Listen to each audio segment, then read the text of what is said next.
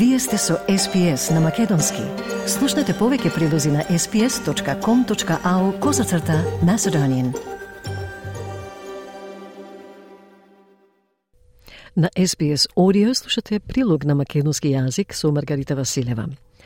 Студија на Универзитетот Монеш истражува дали ново развиена диета може да го намали воспалението кај кроновата болест – Кроновата болест е хронична и доживотна состојба која погодува околу 60.000 луѓе во Австралија.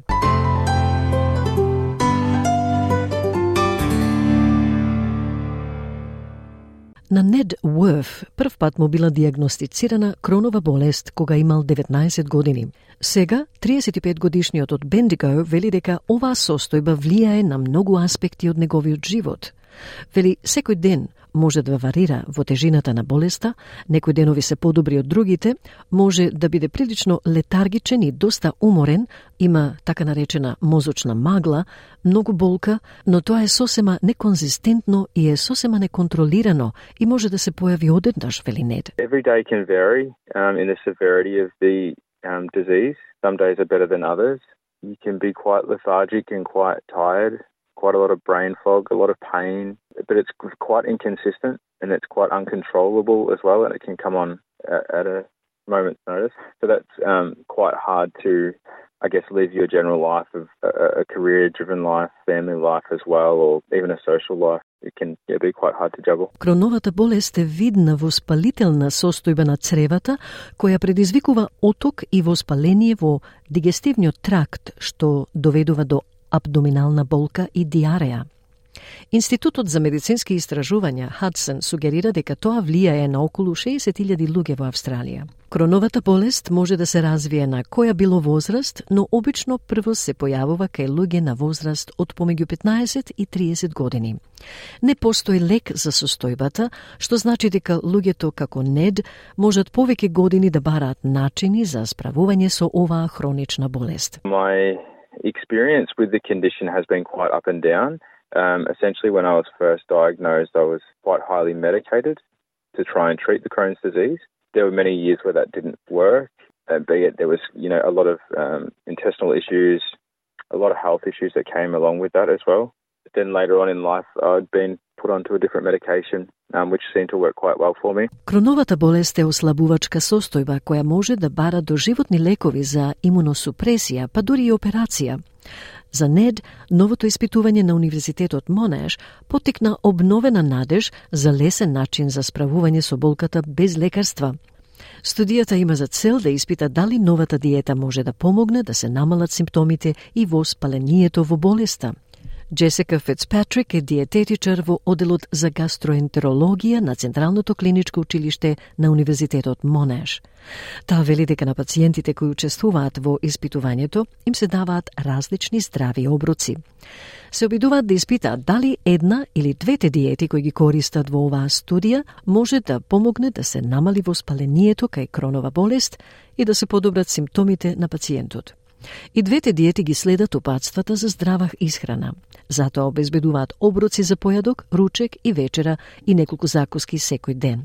А тоа се работи како мюзли, овес, житарки за појадок со висока содржина на влакна наутро, работи како обвивки, сендвичи, Pileško meso i zelenčuk piti za ruček, a potva za večera ima losos, baramundi, jagneško meso, nekoliko vegetarijanski i pileški obroci. We are trying to investigate if um, one or both of our diets that we're using in this study can help to reduce the inflammation in Crohn's disease and improve patient symptoms. Both diets follow healthy eating guidelines, so we provide um, meals for breakfast, lunch, and dinner, and a couple of snacks each day And it's things like muesli oats, high fiber breakfast cereals in the morning, things like soups, wrapped sandwiches, chicken and veggies, pies for lunch, and then for dinner we've got salmon, barramundi, lamb shanks, a couple of vegetarian meals and chicken meals in there. На прашањето каде е разликата во овој метод, господјата Фицпатрик објаснува зошто сегашните третмани не даваат доволно добри резултати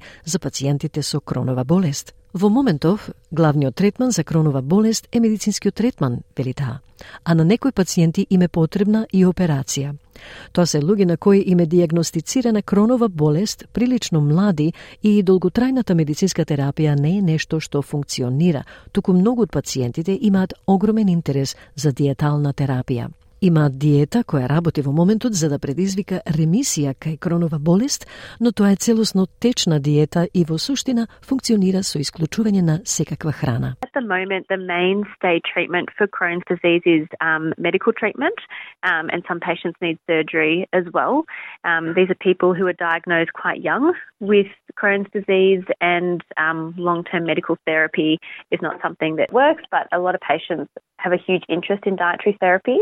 We have got a diet that works at the moment to induce remission in Crohn's disease, but it's a completely liquid diet and it works um, by excluding all food, essentially. So, um, not that palatable to everyone and not that um, uh, adherent, I guess, in social situations. Кроновата болест е автоимуна состојба, што значи дека проблемот е со имунолошкиот систем.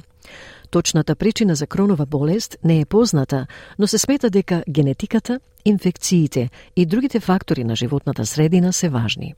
Wayne Masurja е раководител на Quality Research and Support Services во Crohn's and Colitis Australia.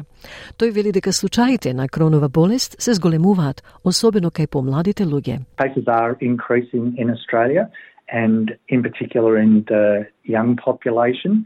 Um, some people think of it as a young person's disease because as a chronic disease, it's it's commonly diagnosed between the ages of about 15 and, and 35. There's a report from earlier uh, in the 2000s which described the prevalence of both Crohn's disease and ulcerative colitis, which is a similar inflammatory bowel disease, um, that increased from around 75,000 cases in Australia in 2012 up to nearly 89,000 cases in 2022. Додека случаите растат кај помладите луѓе, господинот Масугер вели дека болеста е најмалку евидентна во домородните и ниско социјално-економските заедници.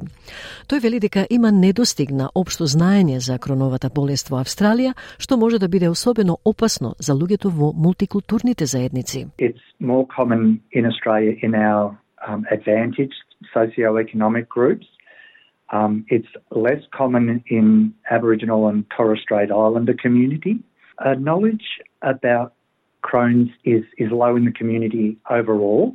Um, and in a sense, that can lead to some delay in people being diagnosed, um, not recognising um, symptoms um, and, and acting on that.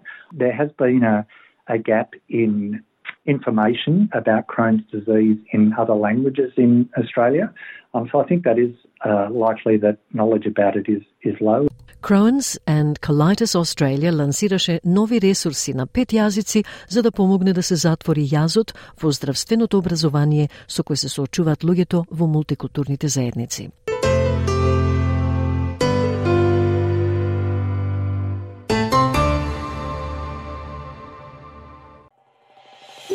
Сакате ли да чуете повеќе прилози како овој?